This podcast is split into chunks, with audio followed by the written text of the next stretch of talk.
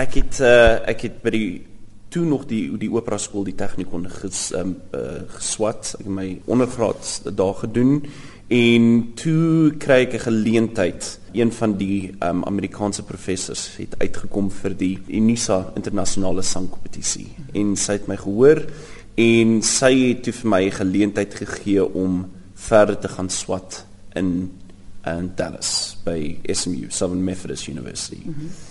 En dit was soort van my my kaartjie oor gewees. Ek het toe van daar af het ek uh, my meestersgraad klaar gemaak en toe is ek University of North Texas UNT net so op in die pad is so 45 minute noord. Ehm um, het ek uh, wat hulle noem 'n ARA certificate gedoen. Dit is 'n 2 jaar voltydse praktiese uh, ervaring wat jy uh, basically rol op rol op rol leer en dit dan en dit dan uitvoer. En dis dit gaan ook jy met 4 ehm um, uur en 20 minute ek dink uh recitals gee vir so dit is heel alles net prakties en mm. kyk hoeveel musiek in jou kop kan kry vir daai 2 jaar. En van daar af het ek ook toe my my doktoraat ehm um, ook by UNT gedoen vir 3 net so net so 3 jaar. En dit het ek nou daarom nou klaar gemaak en uh, nou werk ek um voltyds by Baylor University mm -hmm. en um as ek 'n uh, visiting assistant professor daarso um vir die gaan nou op my tweede jaar wat ek nou al daarso is. So jy leer die ouens om Ja, ek ek leer, ek het ek het uh, voltydse sangstudente daarso. Ek dink 18 van hulle amper te veel. Ons klaar nie. En um en dan doen ek ook um wat hulle noem diction courses. Um dit ek doen Frans, Italiaans en Engels. En dit is soort van ons mense gebruik die internasionale fonetiese alfabet wat jy vir die studente sangstudente leer.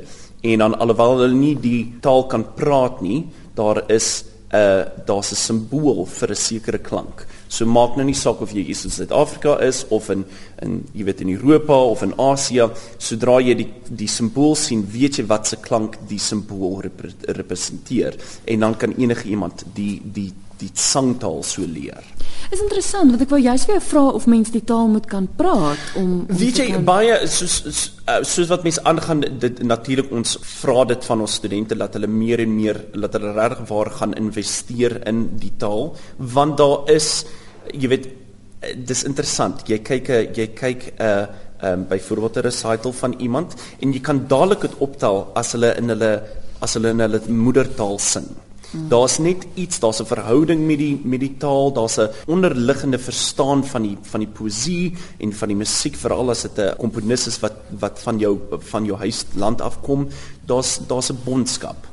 Ehm um, ek is byvoorbeeld nie vlot in in Frans of Italiaans nie. Ek verstaan baie, maar ek is vlot in Duits. So ek het ek het ek het probeer regte waar my my Duits so so goed as moontlik probeer kry. Soos wat mense maar aanstap, dis maar dis 'n lewenslange proses. Dit is nie mense bereik nooit nooit 'n punt nie, selfs as mense nou byvoorbeeld nou wat ek 'n opera produksie doen, as ek aan die einde van die van die 5 optredes kom, sal daar nog steeds iets wees wat ek graag beter wou gedoen het. En dis hoe dit moet wees, sodat mense as as nie net as sanger nie, maar ook as ehm um, daar's altyd iets op die op die verhoog wat mens beter kan doen, wat jy meer iets verstaan en hoe meer en meer mense dit doen, hoe beter word mens en hoe verryk dit mens meer.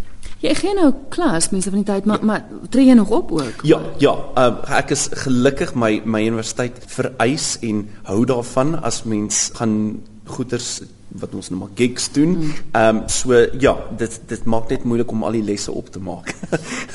so as by so 3, ek probeer nie so langer as so 4 weke weg te wees van die universiteit af nie, want anders raak dit raak dit moeilik. Is opera baie groot in Amerika? Ja, daar's ehm um, daar's baie geleentheid. Ehm um, daar's baie geld, maar aan die ander kant ook, daar's ook baie goeie sangers.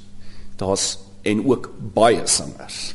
So ehm um, jy weet ehm um, as ek nou maar net dink in soort van in Dallas my uh, omgewing reg my immediate omgewing ek kan dink aan 4 5 universiteite wat ongelooflike musiek departemente het en jy weet hulle het meestersklas of meesters meestersgraad ehm um, hulle het so nagraads voorgraads doktorale studente en so jou jou kompetisie is ongelooflik streng. Jy eh, jy moet jy moet daarvoor werk. So die geleenthede is daar, die geld is daar. Ehm um, maar jou kompetisie is baie straf. Is dit ook dat baie van daai ouens uitgaan na ander lande toe en, en weggaan uit Amerika uit of? Ja, weet jy uh, baie van die baie van die Amerikaners as hulle as hulle soort van ehm um, 'n bietjie op die wat hulle noem op ehm um, regional vlak eers gesing het. Dis nou mense wat byvoorbeeld nie 'n A-huis is nie, dis nou byvoorbeeld nie 'n Metropolitan mm -hmm. of 'n Chicago Lyric um, of miskien San Francisco, maar hulle sing byvoorbeeld soos vir Dallas Opera of hulle sing vir St. Louis Opera of enigiets soets, um, so wat hulle nou regional opera houses noem. Um, dan as hulle sukses daarby behaal het, dan baie van hulle sal dan probeer om byvoorbeeld 'n feskontrak nog steeds in Duitsland te gaan probeer kry. Um en as hulle daar gelukkig is, dan gewoonlik dan kom hulle terug en dit gee vir hulle dan 'n stap op om te probeer um, in die huise in te In my lewe het ek nie gedink dat daai klomp cowboys opera luister nie.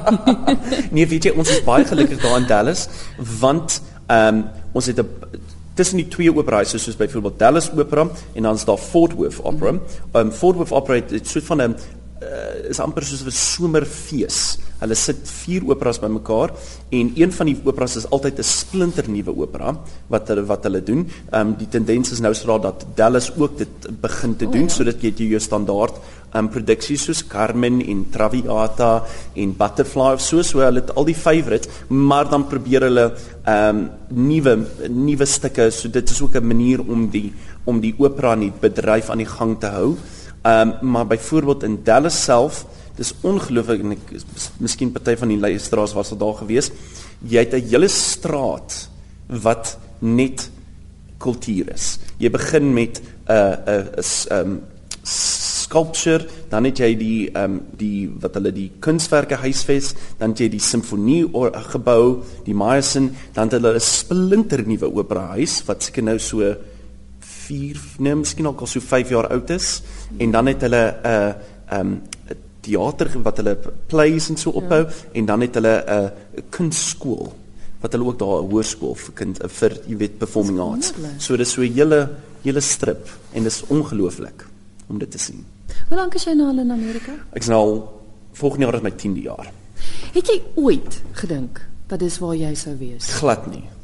Ehm um, dis maar ek kom nou maar natuurlik van die waar jou ouers nie eens dink daaraan om jou enigstens Want jy het jy gesing op skool? Ja, ek het gesing op skool, maar jy weet dis maar koor en dis mm. belangrik. Jy weet, mm, mm. dis belangrik om koor te sing. Dit mens leer ehm um, musikaal jou jou oor te ontwikkel. Ehm um, jy leer ehm um, ag 'n bietjie van harmonie en net musikaliteit. Dit dit dit dit is baie waardevol. Ehm um, nooit solo sang eintlik gedoen nie. Ek het wel, jy weet, so hier en daar in 'n oper uh, jy weet die opstellings voorstellings in die hoors van die hoërskool het ek gesing. Maar toe, jy weet, dit, dit was glad nie die die plan gewees nie. En toe ek uh, uiteindelik teruggekom het van van Engeland af toe het ek besluit dit is tog wat ek wil graag doen en uh, ek het 'n baie ondersteunende familie gehad waar ek baie dankbaar was en um, en toe en toe kom gebeur die geleenthede. Harde harde werk en dan kom die geleenthede